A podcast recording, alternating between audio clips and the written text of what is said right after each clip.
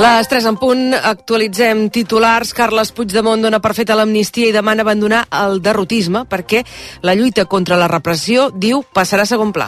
Aquesta nova etapa és una etapa en què haurem d'aprendre a no posar la lluita antirepressiva com a la prioritat. Mireu què us dic. I a poder destinar els recursos econòmics, materials, al servei de la independència. No havent de defensar que evidentment ho haurem de continuar fent, evidentment, però la prioritat ja no pot ser aquesta. En un discurs en un acte del Consell de la República a la Catalunya Nord, Puigdemont ha parlat de recosir les formacions independentistes, tot plegat l'endemà que es filtrés l'informe de la Comissió de Venècia que avala la seguretat jurídica de la llei d'amnistia. I l'autovia 2 continua tallada aquesta hora després que els pagesos hagin aixecat el bloqueig que van començar-hi dimarts per pressionar el govern. Els equips de manteniment de carreteres fa hores que hi treballen per reparar l'asfalt i poder reobrir la via amb seguretat pel trànsit. Segons fonts dels Mossos consultades per rac confien tenir-ho enllestit entre aquest vespre i la nit. I Joe Biden confia que les negociacions entre Hamas i Israel per una nova treva a Gaza arribin a bon port i la guerra s'aturi abans del 10 de març. La data és important perquè és el dia que comença el ramadà per la població musulmana atrapada a la franja sense pràcticament ni aigua ni aliments. El president dels Estats Units ho ha dit després de saber que demà totes dues parts reprendran la negociació al Caire amb Egipte d'anfitrió. I Vinícius torna avui a Mestalla després de la polèmica de fa nou mesos. A partir de les 9 en directe al Superesports es juga el primer València-Reial Madrid des del polèmic episodi racista que s'hi va viure la temporada passada, un partit en què Vinícius va acabar expulsat i provocant a la grada de Mestalla. Demà jugaran al Barça i al Girona, Sant Mamés i Son Moix respectivament. El conjunt blaugrana, Xavi Hernández creu que és el moment de donar continuïtat a les bones sensacions dels últims partits i ha demanat als jugadors igualar la intensitat de l'Atlètic Club. Mentrestant, a Girona són baixa David López i Ángel Herrera lesionats. Torna a la llista Blind. A segona, aquesta tarda, l'Espanyol, segona a la Lliga, juga un quart de cinc contra l'Osca, el dia que arrenca el Mundial de Fórmula 1, amb la cursa del Gran Premi de Bahrein a partir de les 4. I acabem amb el temps perquè Martí Oliveres aquesta nit farà més fred i pot nevar a cotes baixes. Sí, serà de matinada quan tindrem més aire fred que es trobarà amb aquesta precipitació i per tant la cota de neu tendirà a tirar cap avall, per sota ja dels 1.000 metres i fins i tot de matinada en comarques interiors pot nevar per sota dels 800 metres puntualment. Ho haurem de seguir, no és una situació de nevada important ni molt menys, tret del Pirineu, aquí sí que la nevada serà ja destacable, però en zones on és menys habitual parlaríem en tot cas d'una nevada més anecdòtica, d'una enfarinada. Demà torna el sol, el vent, que bufarà amb molta força, precaució aquest diumenge amb les ventades i amb ambient més fred a tot el país. Les 3 i 3 tanquem el racó migdia que hem fet la redacció d'informatius i d'esports amb el Marc Selva, el control tècnic. A partir d'ara continuarem pendents de l'actualitat, els avanços informatius. A partir de les 4 al Superesports i a les 11 el Tu diràs. Nosaltres tornem demà a les 2. Ara us deixem amb el viatge bé. Bona tarda.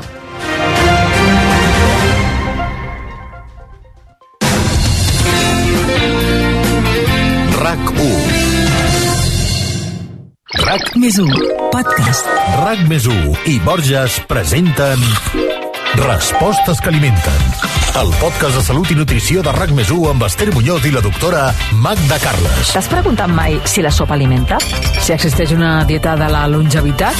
O què podem fer per menjar bé sense gastar tant? Aquestes preguntes i moltes d'altres tindran... Respostes que alimenten amb Esther Muñoz i la doctora Magda Carles. Tercera temporada. Per saber què mengem i com ho mengem. Mm. Escolteu-lo cada 15 dies, els dimecres, a l'app de rac i a rac tots som... Més? U. RAC, RAC, U. Tots som u. Teniu la maleta a punt, oi? Perquè ara mateix sortim de viatjar. A RAC1, Viatge bé, amb Esther Muñoz.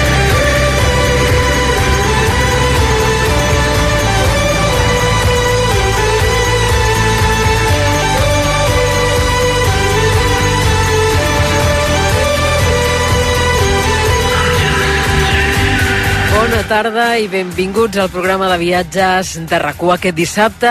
El primer del mes de març volarem fins a Àustria. Volem descobrir la ciutat imperial de Bad Ischl, que enguany és la capital europea de la cultura 2024. També hi anirem fins al Vallès Oriental, perquè a la Garriga se celebra aquest cap de setmana un esdeveniment gastronòmic referent a la comarca, la Fira de la Botifarra. A més, a les portes de les Falles de València viatjarem en família a la capital de la comunitat valenciana, amb Just Tomé, editora de tursdestinos.net, i passarem per la llibreria Altair de Barcelona, on la seva directora adjunta, Helena Bernades, ens recomanarà llibres que inspiren viatges. Preparats per les nostres escapades? Doncs comencem. Música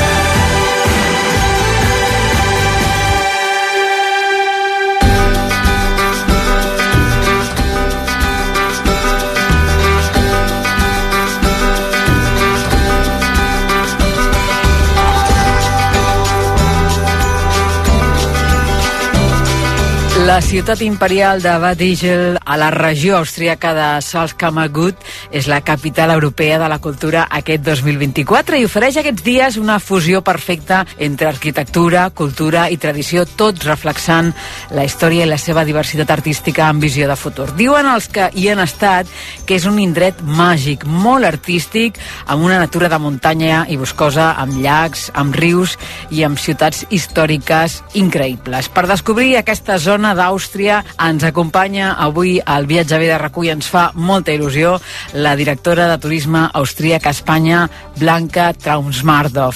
Blanca, bona tarda, benvinguda al viatge de recull. Bona tarda, Esther. Moltes gràcies per acompanyar-nos, a més a més, amb un tema tan d'actualitat, eh? perquè recordem-ho, el passat 1 de gener va arrencar aquesta capitalitat cultural europea en aquesta ciutat. El lema d'aquesta celebració és La cultura és la nova sal, i a mi m'agradaria que m'expliquessis per què heu escollit aquest lema, no? Quin significat té? Per què la sal és tan important en aquesta part d'Àustria? Bueno, de hecho, la inauguración de la capital cultural europea esta, en esta ocasión en Austria tuvo el 19 de enero, Ajá. con una gran fiesta.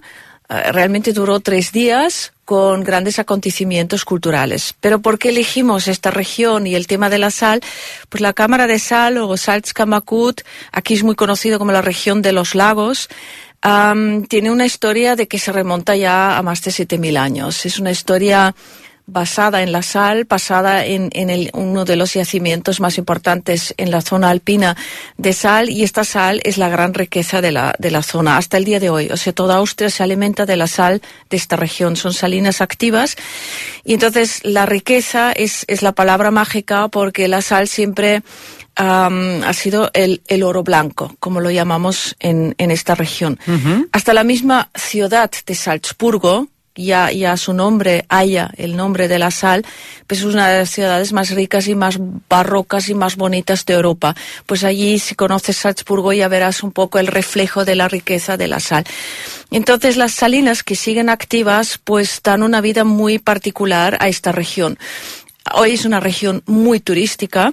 Turística, ¿por qué? Porque son los antiguos senderos que se siguen pues usando, sea para tu propio paseo, para ir tras las huellas de los, de los salineros y sobre todo eh, es un balneario, es una región de, de, balneario. La capital es Bad Ischl. Ischl es el nombre del río. ¿Sí? siempre en, en, en, el idioma alemán quiere decir balneario. Ajá. O sea, Bad es, es donde puedes disfrutar de un balneario o de una de una fuente, aguas termales o aguas salinas, en nuestro caso aguas salinas. Y se puso muy de moda en la época de Francisco José y la famosa Sisi, Elizabeth, uh -huh. porque primero se no se conocían, no, pero se comprometieron allí y los propios padres de Francisco José regalaron la villa imperial, que aún sigue en propiedad de la familia Habsburgo, a, a, a la joven pareja como gran regalo de, de, de, bodas, digamos, y Francisco José pasó todos los veranos allí. O sea, es un gran, gran, digamos, veraneo imperial. Por lo tanto, nos acercamos ya a lo que es en su época un balneario conocido a nivel internacional, porque Francisco José, haber sido un gran emperador, atrajo a mucha gente a nivell internacional Clar. i muchos músicos, artistes, etc. Uh -huh. Estem parlant eh, d'unes mines que, que fa 7.000 anys que existeixen, aquest or blanc que ens explicaves. Mm, eh, eh, tot això que ens, ens comentaves de, eh, el tema del balneari, vol dir que si qualsevol de nosaltres hi anem podem fer turisme de balneari allà? Exacto. O sea, se, se podría decir, se divide eh, la estancia en una estancia totalmente medicinal. Esto aún existe y es muy popular en Austria. O sea, pides la receta según tratamiento y puedes pasar ahí unas vacaciones medicinales. Uh -huh. y curativas, ¿no? Y si no, pues las vacaciones turísticas normales que puedes probar las, las, las tratamientos. Hay un hotel, si lo puedo tanto, claro mencionar, el Hotel Royal, que aparte está justo enfrente de la estación de tren, súper cómodo, en Bad Ischl, que es una de las, de, de, las, bueno, digamos, instalaciones de aguas termales salinas más grandes de Europa. Es fabuloso este hotel. O sea, ahí aparte de que puedes realmente estar disfrutando de estancias turísticas culturales, incluso te incluyen lo que son los baños de, de aguas termales salines. Doncs mira, una proposta sí. molt interessant per sí. tota aquella gent que està mm, buscant doncs, establiments per fer aquest tipus de turismes. Anem a situar una miqueta blanca als oients. A quina part d'Àustria eh, es troba exactament Bad Ischl? A quina distància, per exemple, de Salzburg, que tu ara l'anomenaves? Sí. Pues eh, estamos hablando del punto cero de Austria, es el corazón de Austria, la región misma con Patisle como capital. Uh, en Bad Aussee otra, otra localidad muy cerca, está realmente el punto cero. Es curioso, si, viajas o vas a Bad Aussee, pues ahí está eh, la piedra que pone punto cero de Austria. Distancia, estamos hablando más o menos de una hora en coche o en tren de Salzburgo, es fácil de llegar. Estamos a dos, dos tres horitas en tren desde Viena con un, un transbordo en, sea en Linz o en Attenbouchheim. Uh -huh. Actualmente mucha gente, hasta nuestros invitados, los visitantes de España, casi todo el mundo viaja viaja en tren.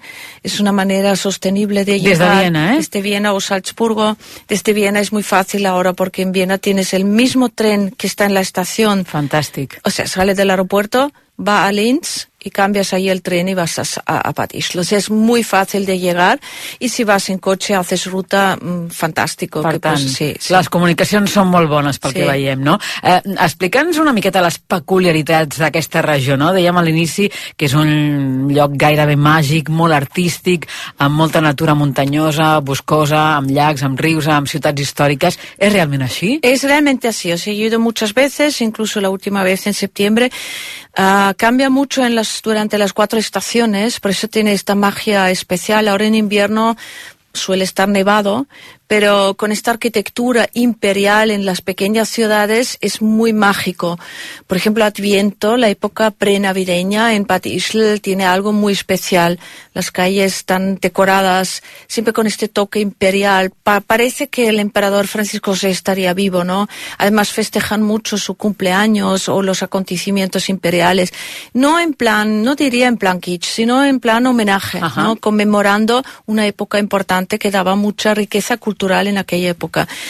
Y um, la magia, sí, la naturaleza es impactante. Estamos hablando de, de, de, la, de, una zona que está dominada por un glaciar, el Dachstein, que es una de las montañas más potentes de Austria. Tenemos ocho glaciares en Austria, Dachstein es uno, que domina esta región. Y si practicas senderismo, ya, ya notas ¿no? Que, que no es un paseo tremendo, digamos, fácil. Es un paseo ya que te lo tienes que plantear bien, pero es precioso. Y lo, lo, lo que combina, y creo que es la magia, que son los lagos con las montañas a orillas de, las, de, los lagos. Los lagos son preciosos, son bastante grandes. Estamos hablando de, de, lagos que forman parte del conjunto de lagos más grandes de Austria, el Attersee, Montsee y han sido la sede mm, veraniega de muchos artistas. Y muchos artistas austríacos como por ejemplo Gustav Klimt, que es muy conocido por su cuadro El peso, él mmm, veraneaba, veraneaba, en esta zona y muchos de sus cuadros llevan un reflejo, una inspiración de esta región que los puedes contemplar si vas al Belvedere de Viena, ves los cuadros de Klimt, dices, dices caray, esto es un reflejo del Atase de la Cámara de Sal uh -huh. de Salzkammergut. Klimt i també Brahms i, i Schubert fins i tot sí, també, Schubert no? también mucha melodía, mucha música está inspirada en, en la región del Salzkammergut. Mm -hmm. Doncs ara que ja estem situats, m'agradaria doncs, repassar eh, indrets concrets eh, que podem visitar aprofitant aquesta capitalitat cultural, perquè hem vist que hi ha 23 llocs de la regió que acolliran tota mena d'esdeveniments relatius a, aquest esdeveniment no? durant tot l'any.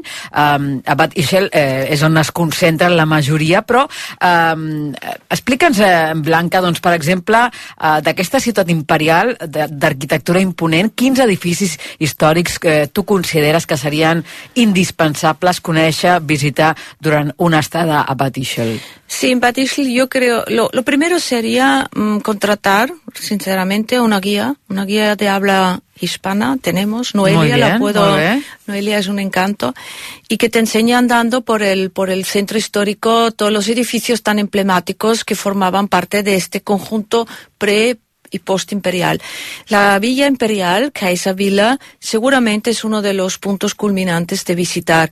Uh, sigue en propiedad de la familia Habsburgo, pero puedes ver ahí visitando la Kaiser Villa cómo vivía la emperatriz y el emperador Francisco José durante sus vacaciones. O sea, es muy familiar, vale la pena visitar, sí que está desde luego pues bajo el protocolo imperial los salones, etcétera, pero ves como como bueno, decoraban sus salones, como te, tenían las como se dice las el gran salón comedor, todo puesto la vajilla. Las estadas, ¿no? Están incluso algunos vestidos de Sisi y luego el Marmorschlüssel, que es el tea room, como se dice en inglés, eh, a la, la emperatriz Elizabeth le gustaba mucho refugiarse, retirarse y este Marmorschlüssel, el palacete de mármol que está en el mismo parque, que por cierto es uno de los parques uh, más grandes de Europa, pues ahí puedes ver cómo ella se retiraba, es un retiro precioso con unas vistas espectaculares sobre Patisl.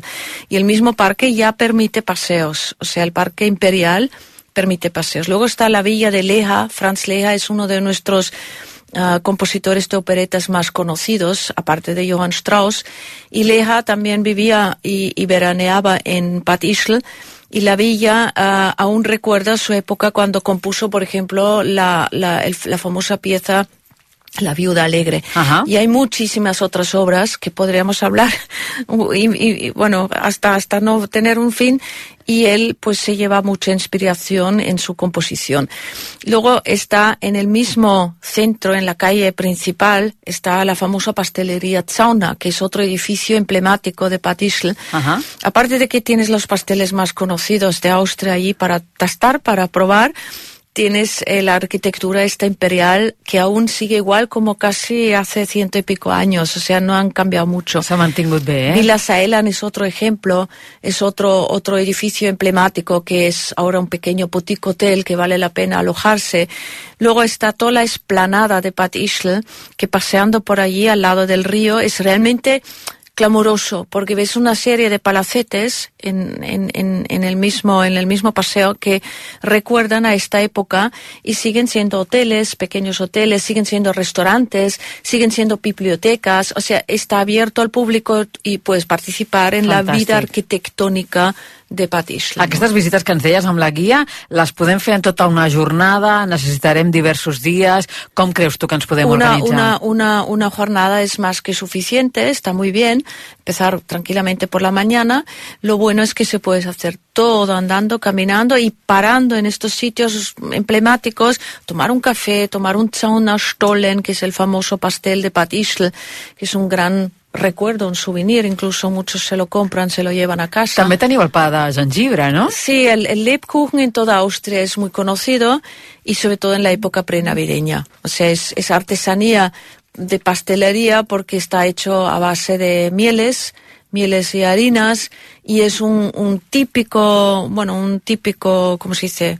Dolç, costumbre, una costumbre a, a, de Adviento. Uh -huh. uh, hem conegut doncs, quins són aquests edificis històrics, imperials, eh, emblemàtics, in, indispensables en una visita als Mas, però també voldria repassar amb tu alguns dels eh, eh, esdeveniments destacats d'aquesta capitalitat cultural d'Àustria aquest 2024. Per exemple, hem vist que teniu una exposició que aborda tot el que està relacionat amb la sal, amb l'aigua i també la fusta que comentàvem al principi, no? Quina mena d'obres trobarem i, i on estan exactament? Sí, esto está en el Sudhaus. Sudhaus es la, la, la expresión para la casa donde la sal realmente tenía su, su final, ¿no? El Sudhaus se ha uh, recuperado y allí hay un ex, unas exposiciones que hablan claramente de la, del, del, ¿cómo se dice? Del puente, del origen de la sal hasta el día de hoy.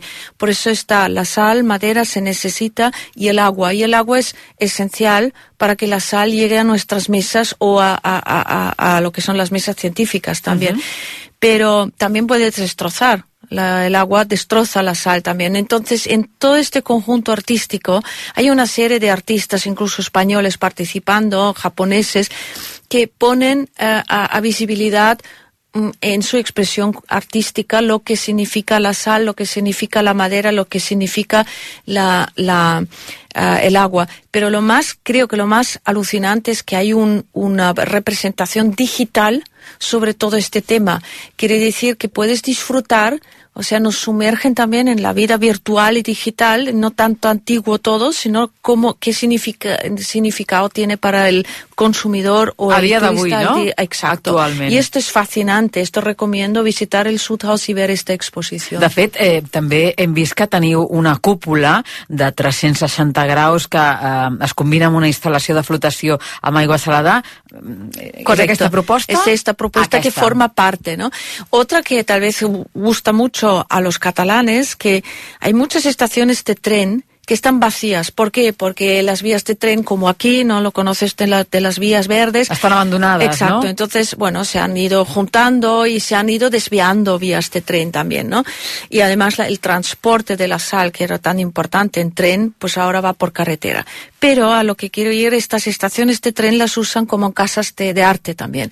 O sea, ahora durante la capitalidad, incluso invitada a dar un paseo y conocer estas estaciones de trenes que son muy monas realmente y no las han cambiado tanto, sea, están tal como como estaban y han puesto allí temáticamente pequeñas exposiciones que recuerdan a lo que es la historia de la sal o incluso lo que es el día de hoy eh, mo- arte moderno. Quins Está muy artistes, bien. quins artistes También son, aquí? son muchos artistas austriacos, muchos asiáticos, o sea, no puedo ni nombrarlos porque ya que ves aquí... És una llista llarguíssima, eh. Una lista larguísima.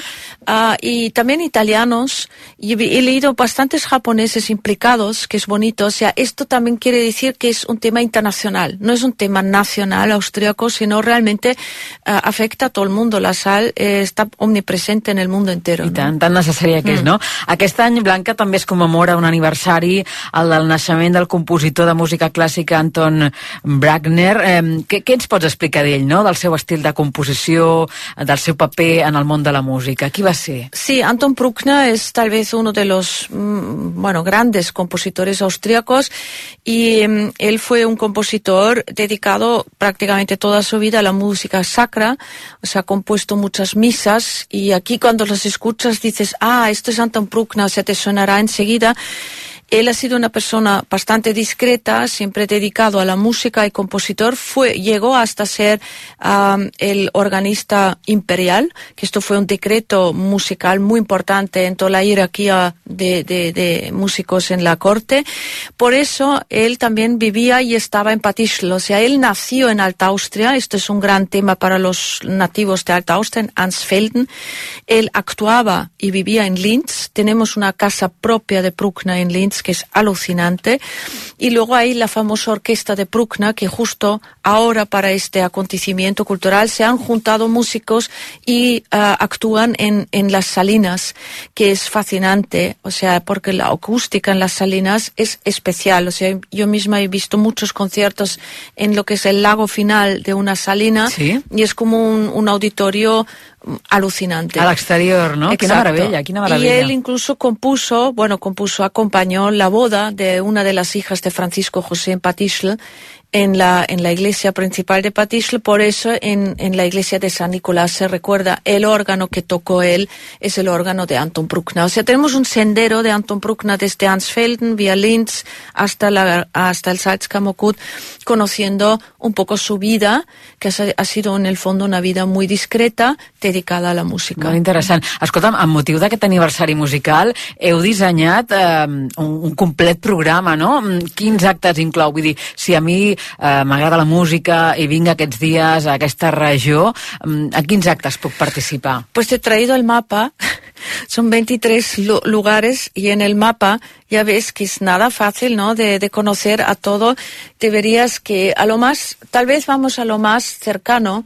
Am, hay un, un tema de arte, una exposición de arte alrededor de montaña y sal y combinación con arte en Alt Aussee, que la tendremos pronto, el 23 de marzo empieza y se podrá ver. Tal vez otro tema interesante es en, en Bad Coesan. Bad Coesan es otra ciudad pequeña cerca de Bad Ischl. Allí se dedica un, toda una exposición al tema de tejidos, porque la región es muy rica en, en diversos tejidos. ¿Por qué? Porque tenemos agua. Para hacer tejido necesitas agua. Esto los catalanes saben bien que son molt textiles, ¿no? Pues esta región es una región de textiles importantes, textiles artesanos. En Pat se, se recuerda artísticamente. Siempre tenemos que poner el tema artístico encima. O, por ejemplo, ¿qué más tenemos? EMSE, tal vez muy interesante también en, en EMSE uh, habrá una exposición, se llama Vogelfrei, quiere decir, uh, es uh, como libre como un pájaro, una exposición que habla de llegar allí, llegar allí, a, relajarte un poco, o sea, bajar el ritmo y luego empezar con lo que es disfrutar del arte. En Gmunden, Gmunden también me gusta mencionar, esta es la capital de la cerámica y casi todas las familias austriacas tienen eh, vajilla de Gmunden en sus mesas, sobre todo de desayuno. Es muy conocido, es, es, una cerámica preciosa que incluso en España algunos también la tienen y aún sigue esta famosa uh, fábrica de, o manufactura, es una manufactura de, de, cerámica y este año dedicamos una exposición artística a cómo ha ido evolucionando la Gmundna Ceramic. Són alguns dels exemples d'aquestes de, 23 propostes que els oients que vulguin eh, endinsar-se i concretar més, teniu algun portal web, algun lloc on puguin sí. consultar tota aquesta informació? Sí, en la pàgina del turismo austríaco, austrio.info y ese, o sea, hay que ir a la página en español. Eh, tenemos un apartado completo, además en castellano, que explica siempre lo más actual de la capital cultural europea. Blanca Traut-Mansdorf, directora de Turisme Austríac a Espanya. Moltíssimes gràcies per acompanyar-nos avui en directe aquí al Viatge B de rac per fer-nos uh, aquest recorregut, per acostar-nos a aquesta capitalitat cultural europea. Uh, esperem que vagi molt, molt bé i que siguin molts els oients que us visitin uh, durant els propers mesos. I escolta'm, uh, de, tornem a convidar quan vulguis a venir i a obrir-nos les portes del vostre país d'Àustria. Moltíssimes gràcies. Moltes gràcies, Esther. Una abraçada. Adéu. A rac Viatge bé. Viviu l'experiència del viatge amb Esther Muñoz.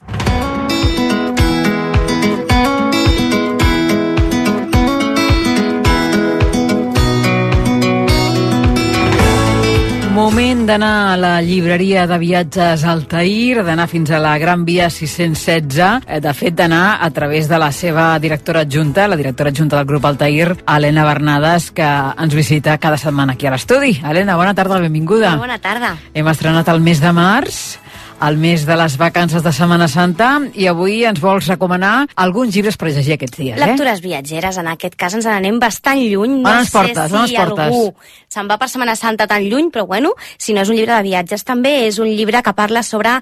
Eh, són dos autors avui de Nicaragua. Uh -huh. Llavors ens centrarem una mica en aquest petit país que no encara no és un escenari turístic convencional, però que és molt interessant conèixer-lo. Doncs sí, a més a més aquests dies que molta gent doncs, tindrà segurament vacances vacances escolars, doncs ja són uns dies, eh? 7, 10 dies sí, sí, per visitar Nicaragua. Exacte. Està, està prou bé, no? I a més a més, això que, que comentaves és interessant també, no?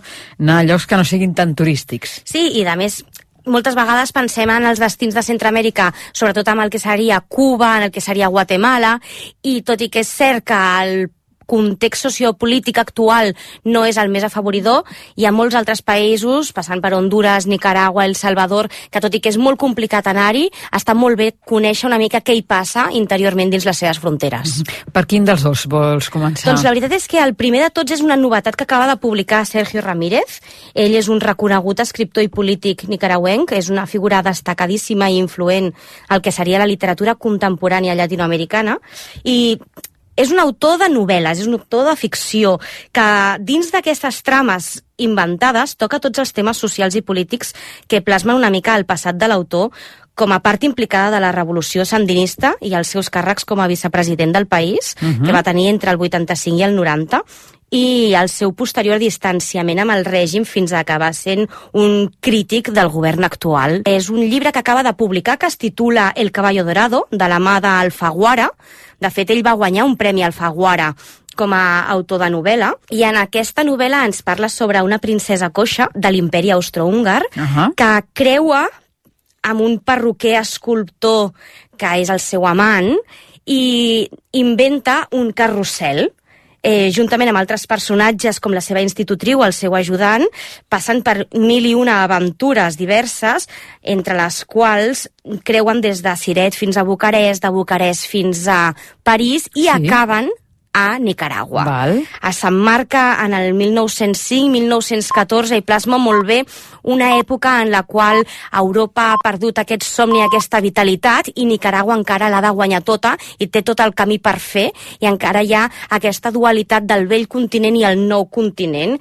És una novel·la d'amor entre una princesa i un perruquer, però també és una novel·la d'intrigues, és una novel·la on tot el que és el teixit de l'àrea privada emmarca molt bé el que és la societat i la vida pública i passem per crims, per enigmes, per històries una mica així d'entre palaus i crec que és una novel·la molt divertida, molt ben feta, no només és una història, sinó que està molt documentada, hi ha moltíssim material de l'època i ens ho podem passar molt bé, podem patir molt i al final és per passar l'estona que en aquests moments de vacances és un llibre molt recomanat. Tant, sí, sí. Eh, a més a més, eh, aquí destacar que és un magistral relat d'aventura ple d'humor, interessantíssim, no? Eh, en Carlos Tanon, per exemple, ha dit que el seu autor, en Sergio Ramírez, és un dels referents literaris, morals i polítics de la literatura en espanyol des de fa ja dècades. Sí, de fet, eh, tant ell com l'autora que us parlaré ara són dues de les veus vives contemporànies més importants. La segona és Gioconda Belli, que un dels clàssics de tots aquells que vulguem conèixer què ha passat a Nicaragua o com és Nicaragua, ella ens presenta amb un llibre autobiogràfic que es titula El país bajo mi piel. En aquest cas l'ha publicat per segona vegada Seix Barral. És un uh -huh. llibre mhm. que ja es va escriure el 2010, tot i que no deixa de tenir vigència. En aquest llibre eh, ella parla una mica de la mirada profunda i personal i de les experiències que ha patit des de quan va néixer. Ella va néixer en una família acomodada en un país d'extrema desigualtat i quan era jove va entrar en contacte amb el món universitari i es va submergir en el món de l'activisme polític i l'esquerra que volia trencar una mica amb el sistema governant del moment i va ser part implicada de la revolució sandinista, de la mateixa forma que ho va ser Sergio Ramírez. Van compartir un passat durant 4, 5, 10 anys eh, d'activisme polític constant i en aquest període tumultuós de la història, ella parla una mica de les dues vessants, tant la vessant d'ella com a persona i les seves experiències vitals, com com va canviant el país i com la revolució sandinista triomfa i en els anys 80-90 acaben aconseguint el que era un somni de justícia social que després va acabar convertint-se en una dictadura per al protagonisme d'Ortega que va acabar agafant el poder i de fet porta el poder durant molts anys i ara tenim una situació bastant conflictiva al país. Uh -huh. És un llibre capdalt que emmarca molt bé, no només des de la política, perquè tampoc se centra tant exclusivament en la política, sinó també en les relacions d'amistat, en les seves vivències personals, en totes les coses que li van passant com a persona, com a dona, que es va desenvolupant i va creixent, jo crec que és un llibre que pot interessar a un públic molt general i que està molt ben escrit. És una combinació de les dues coses, no? Diu aquí Memòries d'amor i també de guerra. Mira, ara d'aquí uns dies celebrarem el Dia de la Dona, per tant, també un llibre per tenir en compte les persones que vulguin anar a Nicaragua, perquè ens eh, deies tu que mm, aquest llibre està considerat com el llibre, entre cometes, obligatori abans d'emprendre un viatge cap a aquell país, no? Jo crec que sí, perquè et dona una visió molt àmplia i molt profunda alhora, des d'una vessant molt amena mm, per tots els públics i que repassa una mica tot el que serien els antecedents i el durant i el posterior a la revolució sandinista. I jo crec que aquí podem veure molt bé, un cop som allà, què ha passat i per què hem arribat on hem arribat. Llavors jo crec que és un llibre que t'obre molt les mires quan qualsevol persona hi vol anar. Uh -huh. Doncs recapitulem les propostes que avui ens fa l'Helena Bernades de la llibreria Altair. Són dos viatges a Nicaragua. D'una banda, aquesta novetat de Sergio Ramírez, El caballo dorado, que ha publicat Alfaguara, i per altra banda doncs, tenim el llibre de la Joconda Belli, El país bajo mi piel, memòries d'amor i guerra de Xeix Barral. Helena, moltíssimes gràcies als oients que vulguin adquirir algun d'aquests llibres, que sàpiga doncs, que aquests dies es poden acostar a la llibreria Altair. I tant, de fet, són dos llibres que nosaltres ja considerem com a fons bàsic de la llibreria, per tant sempre els trobareu allà. Doncs vinga, t'esperem amb més propostes doncs, eh, per Setmana Santa, lectures per llegir durant la Setmana Santa i també anar pensant ja en Sant Jordi. Que vagi bé. Merci.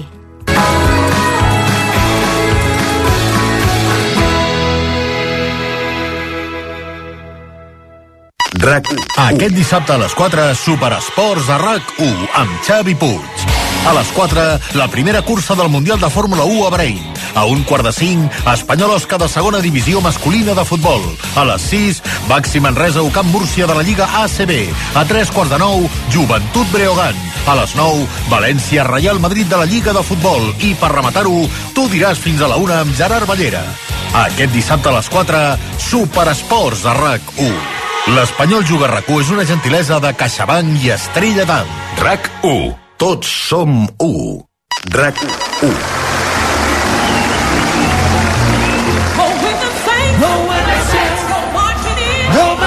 El Barça, a Sant Mamés, el dia de Sant Madí, el sant més nunyista. Sant Madí... Atlètic de Bilbao-Barça, aquest diumenge des de les 8 a RAC1. Fot-li pou, amb el suport de CaixaBank i Estrella d'Am.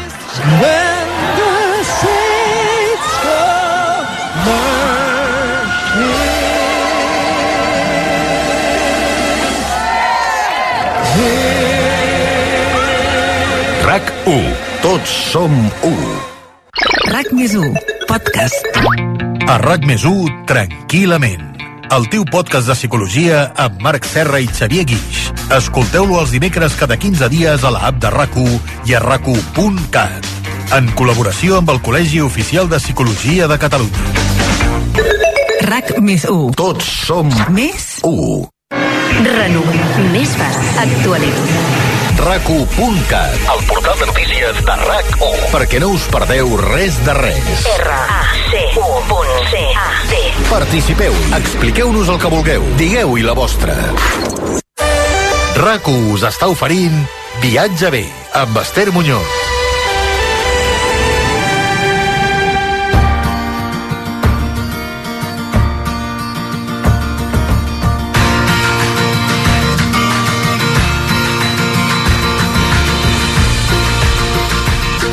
I ara mateix marxem cap al Vallès Oriental, concretament fins a la població de la Garriga, on aquest matí ha arrencat la dotzena edició de la Fira de la Botifarra. I per parlar d'aquest gran esdeveniment gastronòmic tenim en línia l'Àlex Valiente, que és el regidor de promoció econòmica del consistori. Àlex, bona tarda, benvingut al viatge B de rac Bona tarda.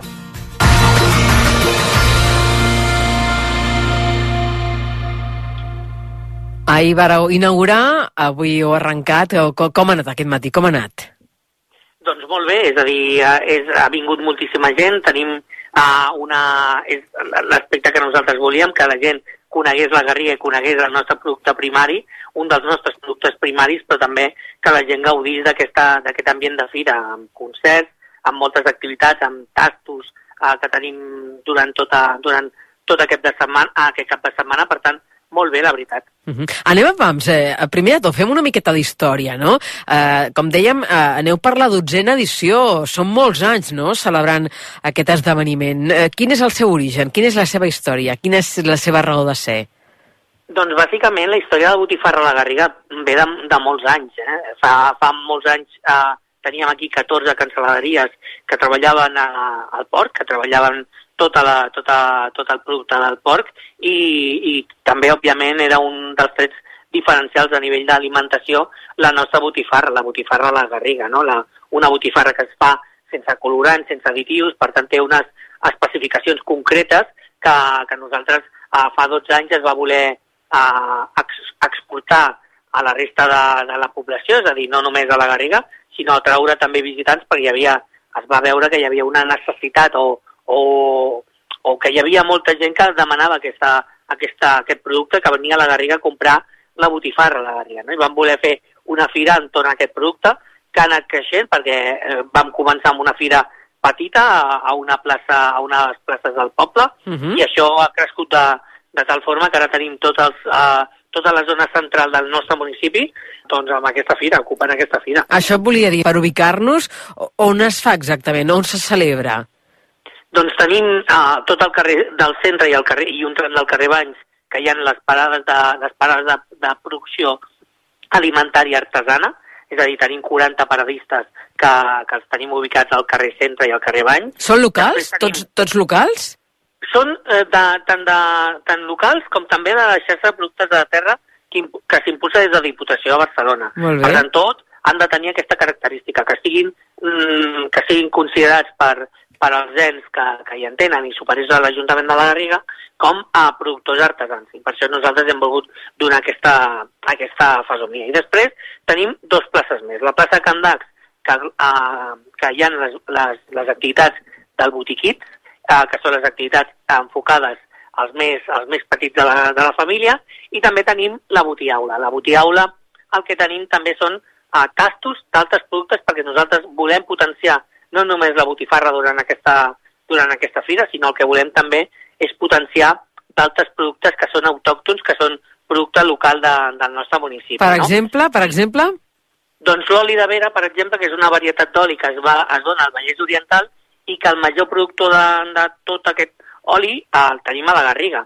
Llavors, és un dels productes eh, que tenim a, a nivell municipal. També hi ha alguns aspectes com melmelades que han fet alguns, alguns productors, embotits, òbviament, no poden faltar en aquests tastos, però també mm, aspectes del Vallès Oriental que tenen una, una peculiaritat concreta, no? que és, uh -huh. com per exemple la, la Déu Alella, que tothom associa a un dels municipis, però a un municipi concret, és Alella, però que, que, que, que engloba d'altres comarques, engloba el, el, el, el Barcelonès Nord, engloba el Maresme i també el Vallès Oriental i també la producció gran també es fa al Vallès Oriental de- d'aquest vi de la Déu Alella. I després cerveses que es fan amb cereals de- d'aquí de, la pròpia comarca, no? Per tant, aspectes eh, molt importants que tenim en aquesta botiaula i que volem que la gent reconegui i que la gent consideri eh, de comprar-los. Després, dins d'aquests 40 paradistes, podran trobar aquests productes també, no?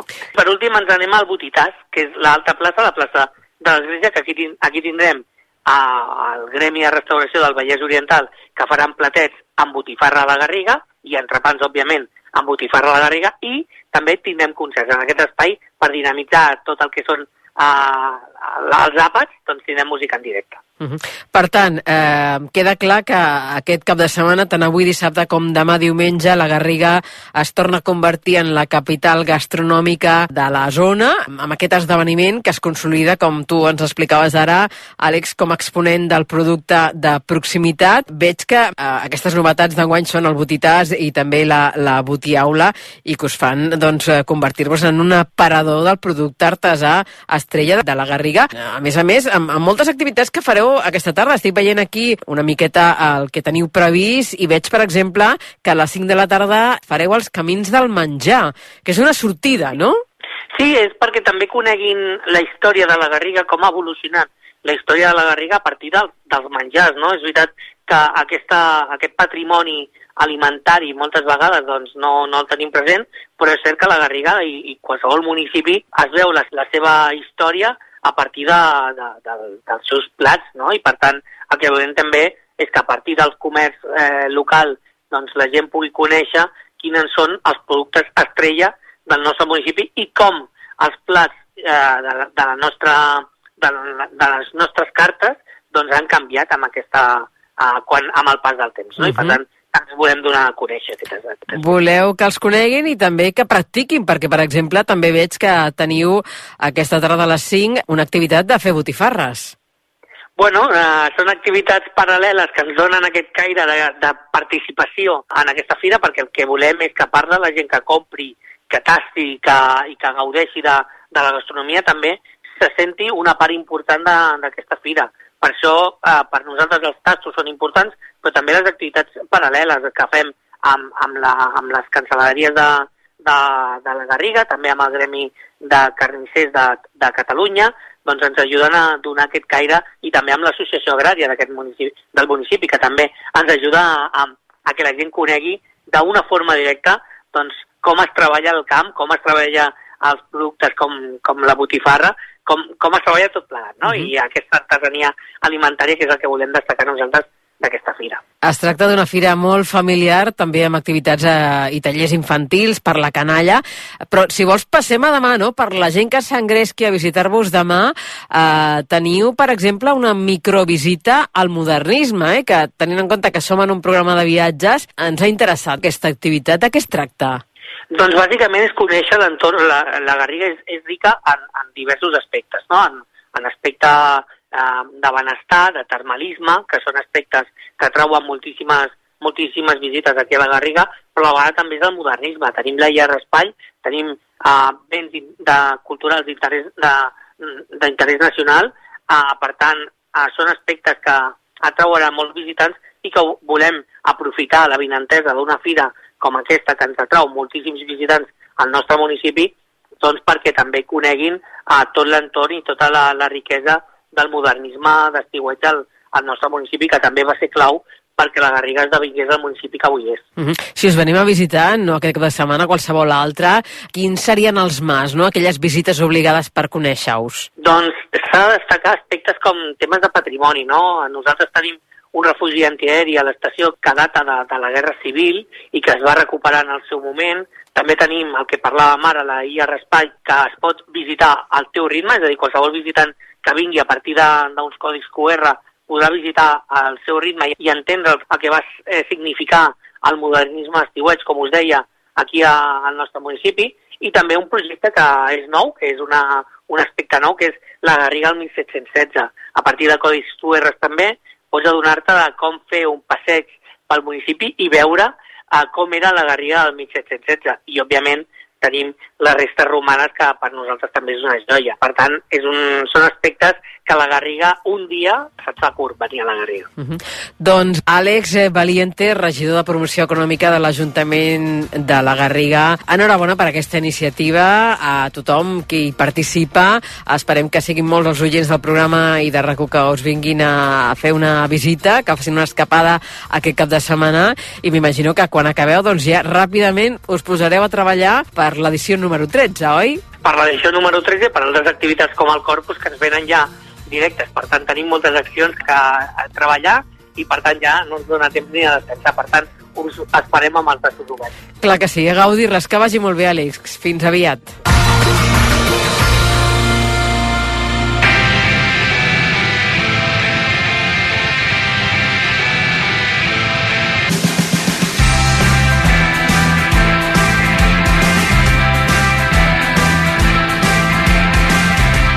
Estem preparats amb les maletes a punt perquè tota la família marxem de viatge i ho fem amb la nostra col·laboradora, l'editora del portal de viatges tusdestinos.net, la Maria Jesús Tomé. Xus, bona tarda, benvinguda. Bona tarda, Esther. Que has començat el 2024 amb moltíssima força i amb moltíssimes ganes de viatjar i voltar i anar amb amunt i avall, viatges, eh? Amb molts viatges, sí. Jo, de fet, quan arribo a casa i estic ja 10 dies sense fer un viatge o agafar un avió, ja començo a tremolar, a dir, ai, tens mono, ja em, tens piquen, mono, em eh? piquen les cames, ja vull, vull anar, vull anar, vull viatjar. Home, sí. no has parat perquè el teu final d'any ha sigut increïble. Sí, ha sigut... Has parat eh, molt poc per casa He teva. parat poc per casa, sí, ho he de dir. I també t'he dic una cosa, eh? A mi m'agrada també estar a casa, que és el que faig el, durant les vacances. La gent em diu, i les vacances a on viatges? Dic, a casa. Perquè, o a anar a veure la família, però no m'agrada viatjar gaire, perquè ja ho faig al llarg de l'any. És que tu, hi ha una diferència amb tu i la resta, no? Que, que els teus són viatges professionals. Sí, vas a clar. treballar, vas a fer feina. Sí, la gent no vas es- estar allà a la platja estirada Ojalà prenent el sol, així, no? va, no, no. Jo vaig als viatges i treballo moltíssim. Jo m'aixeco a les 7 del matí quan estic en un viatge i potser no me'n vaig a dormir fins a les 11 de la nit perquè he de fer, he d'anar a un sopar, a veure, que la gent dirà, oh, quina feina més estressant. Però també cansa. Has de preparar els teus guions, Clar, de els teus vídeos, la- les gravacions, Correcte, parlar les amb els gravacions, convidats... els vídeos són exigents, has d'estar més en forma, no pots anar, uh, no pots sortir de nit cap dia, perquè clar, l'endemà has d'estar fred fresca, no?, per fer el vídeo, també per poder uh, parlar davant de càmera. Uh, jo et dic, les meves vacances no és, estar, no és anar-me'n de viatge, és potser estar a casa, fins i tot, o anar a veure la família, doncs, fa, perquè eh, com estic fora, doncs m'agrada veure'ls. Però clar sí, que sí, clar que sí. Escolta'm, avui ens portes a València. Sí, a València. És una de les primeres ciutats que vaig visitar amb el meu fill quan era petit, que jo crec que tindria un any i mig. He anat en diverses ocasions, però avui us proposaré sis activitats que es poden fer a València en un sol cap de setmana. En només dos dies? Sí, dos dies. Molt bé, I potser Déu-n'hi-do. aprofiten el divendres si arribem una miqueta d'hora, però sí, uh, sí que es pot fer en un cap I de quina setmana. seria la primera, Xus? Mira, per exemple, el, diven- el dissabte al matí uh, hi ha un recorregut familiar que es fa només el dissabte al matí, que som, és molt especial perquè es visiten llocs i monuments de València, però explicat pels nens. És a dir, t'expliquen anècdotes, temes d'animals, coses que els nens eh, poden entendre i a més fan que sigui, és molt amè. Són dues hores a visita i la veritat és que els nens no es cansen. Això qui organitza? Això Visit València Ahà. organitza, es pot Mhm. contractar al seu web.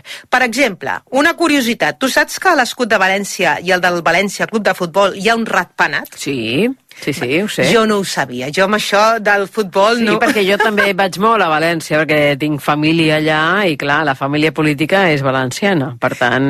I sabies el tema del ratpenat? He anat, eh, sé que tenen un ratpenat, ara no em facis explicar la, el que hi ha darrere, eh, d'aquest ratpenat, eh? Doncs t'ho explico jo. Vinga, som-hi. Perquè això és el que em va explicar. Diu la llegenda que mentre el rei Jaume I el Conqueridor era a València, un ratpenat es va posar sobre el seu cap i el va avisar de l'atac de la resistència de l'Àndalus. Mhm. Llavors en Jaume I va dir, ostres, això és un, aquest és un animal molt valent, i va dir que havia d'estar a l'escut de la ciutat. Això és la història que em van explicar. Mira, Jo no, no la coneixia, no la coneixia, la història. I també reten, com tu has dit, a l'escut del València Club de Futbol se li ret un homenatge a aquest animal.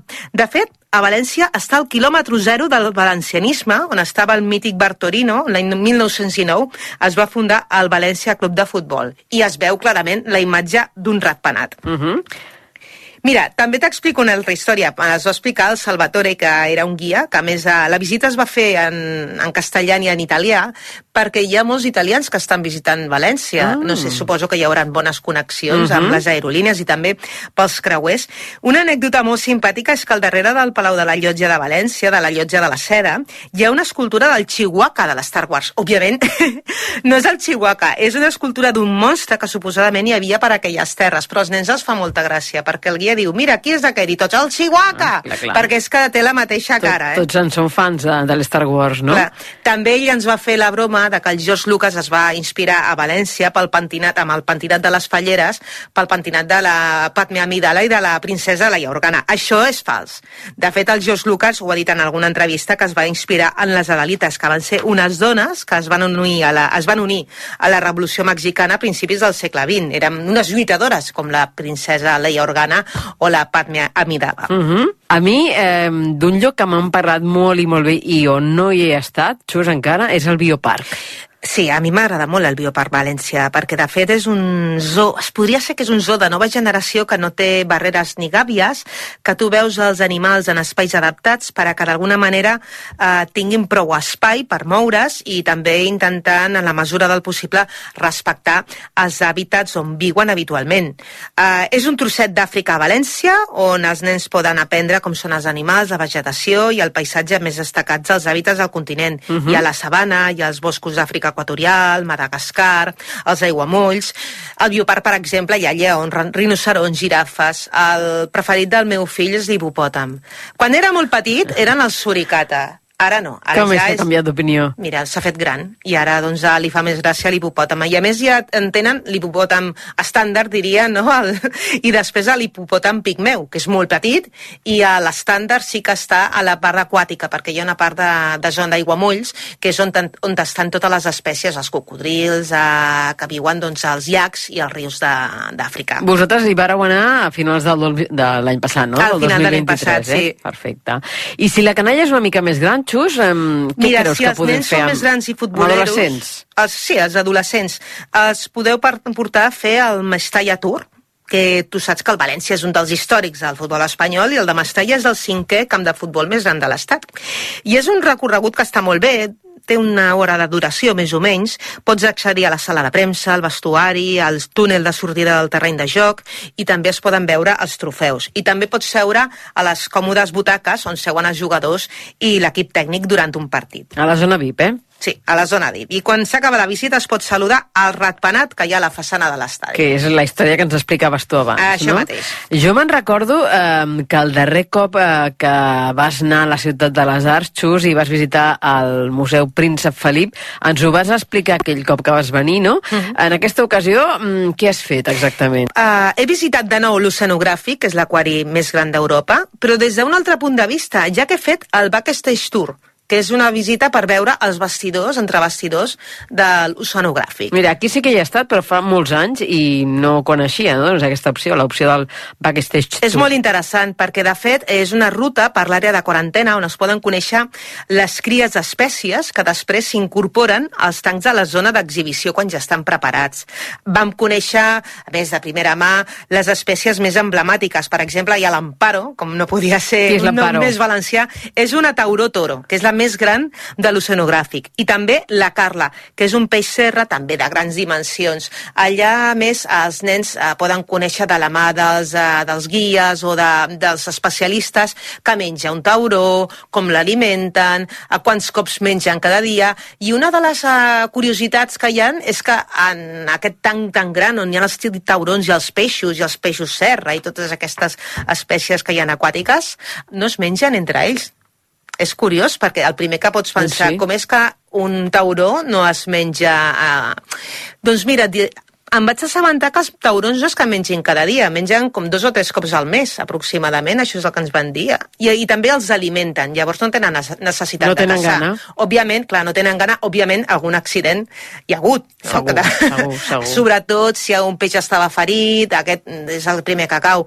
Però que és molt curiós això, no? que un, un tauró no vegi un, un peix allà voltant i no, vagi, no se'l cruspeixi. No? No, el tenen, els tenen ben ensinistrats, no? Sí, ben alimentats, Sí, sí. sí, ben alimentats. Escolta'm, ens has parlat d'aquestes visites eh, que organitza Visit València, com per exemple doncs, aquesta eh, visita al camp del Mestalla, també al Bioparc de València, a l'Oceanogràfic. Eh, quina seria la cinquena proposta que ens faries? Mira, aquesta uh, és una... Et, et proposo una activitat d'escapada pels adults perquè el que farem és anar a un parc. Sense nens? No, no, amb els Ah, nens. amb nens. Amb el nen, però és una escapada, vull dir, perquè eh, ens deixin respirar una mica, perquè tu saps que de vegades els nens es poden agobiar si visites segons quines coses. Es portaríem al Parc del Gullivert, que està al Jardí del Túria, que és una escultura monumental del Gulliver de 70 metres, en les quals hi ha rampes, tobogans, escales... Aquí és el lloc perfecte perquè el nen s'acabi d'esgotar, que arribi a l'hotel, que es dutxi, que sopi i que es posi a dormir.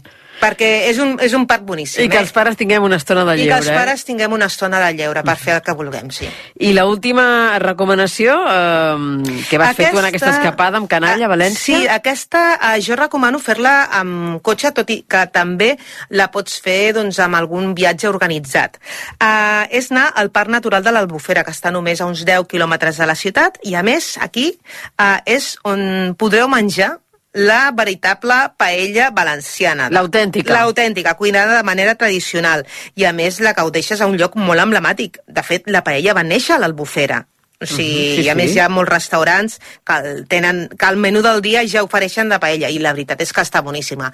També tens d'altres opcions com l'arròs al senyoret. Jo el darrer cop no vaig menjar paella, vaig fer un arròs al senyoret, no? Però sí que pots menjar aquest producte tan típic que es conrea aquí en aquesta zona. I a més a més allà pots fer una passejada també en Una família, passejada amb el vaixell, amb, els, eh, amb una embarcació que són els albufarencs i pots fer una, passa, una passejada pel gran llac d'aigua salobre, que més és el més gran d'Europa, amb 2.800 hectàrees, i aquí viuen 350 espècies d'aus, com el bernat pescaire, l'ànec vermell, el flamenc... Eh, és un lloc que, més, eh, jo recomano anar quan es posa el sol, perquè si és, per exemple, l'hivern, és de més o menys a dos quarts, de, dos quarts de sis, i és un moment màgic, perquè es veu una llum vermella, es veu una, una posta de sol increïble, i és un lloc que val la pena veure'l.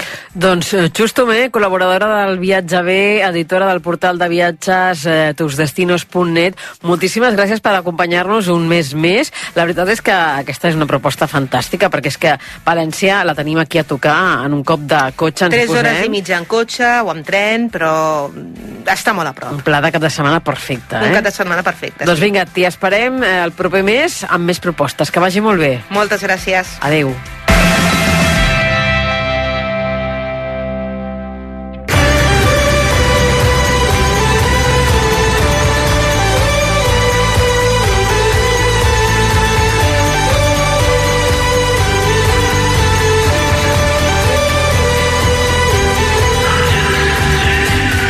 Fins aquí el primer viatge bé del març. Salutacions meves i del Daniel Puntiprats a la realització tècnica i no deixeu la maleta gaire lluny perquè si voleu el proper dissabte 9 de març a les 3 i 3 de la tarda us hi esperem des de Department a la Roca Village. Emetrem el programa des d'allà, farem turisme de compres en una destinació única. I sou tots convidats. Fins aleshores, us desitgem que acabeu de passar un molt bon cap de setmana i fins dissabte que ve. Ens veiem a la Roca Village. Senyores i senyors, en nom d'Ester Muñoz, gràcies per viatjar en viatge bé a rac i fins dissabte que ve.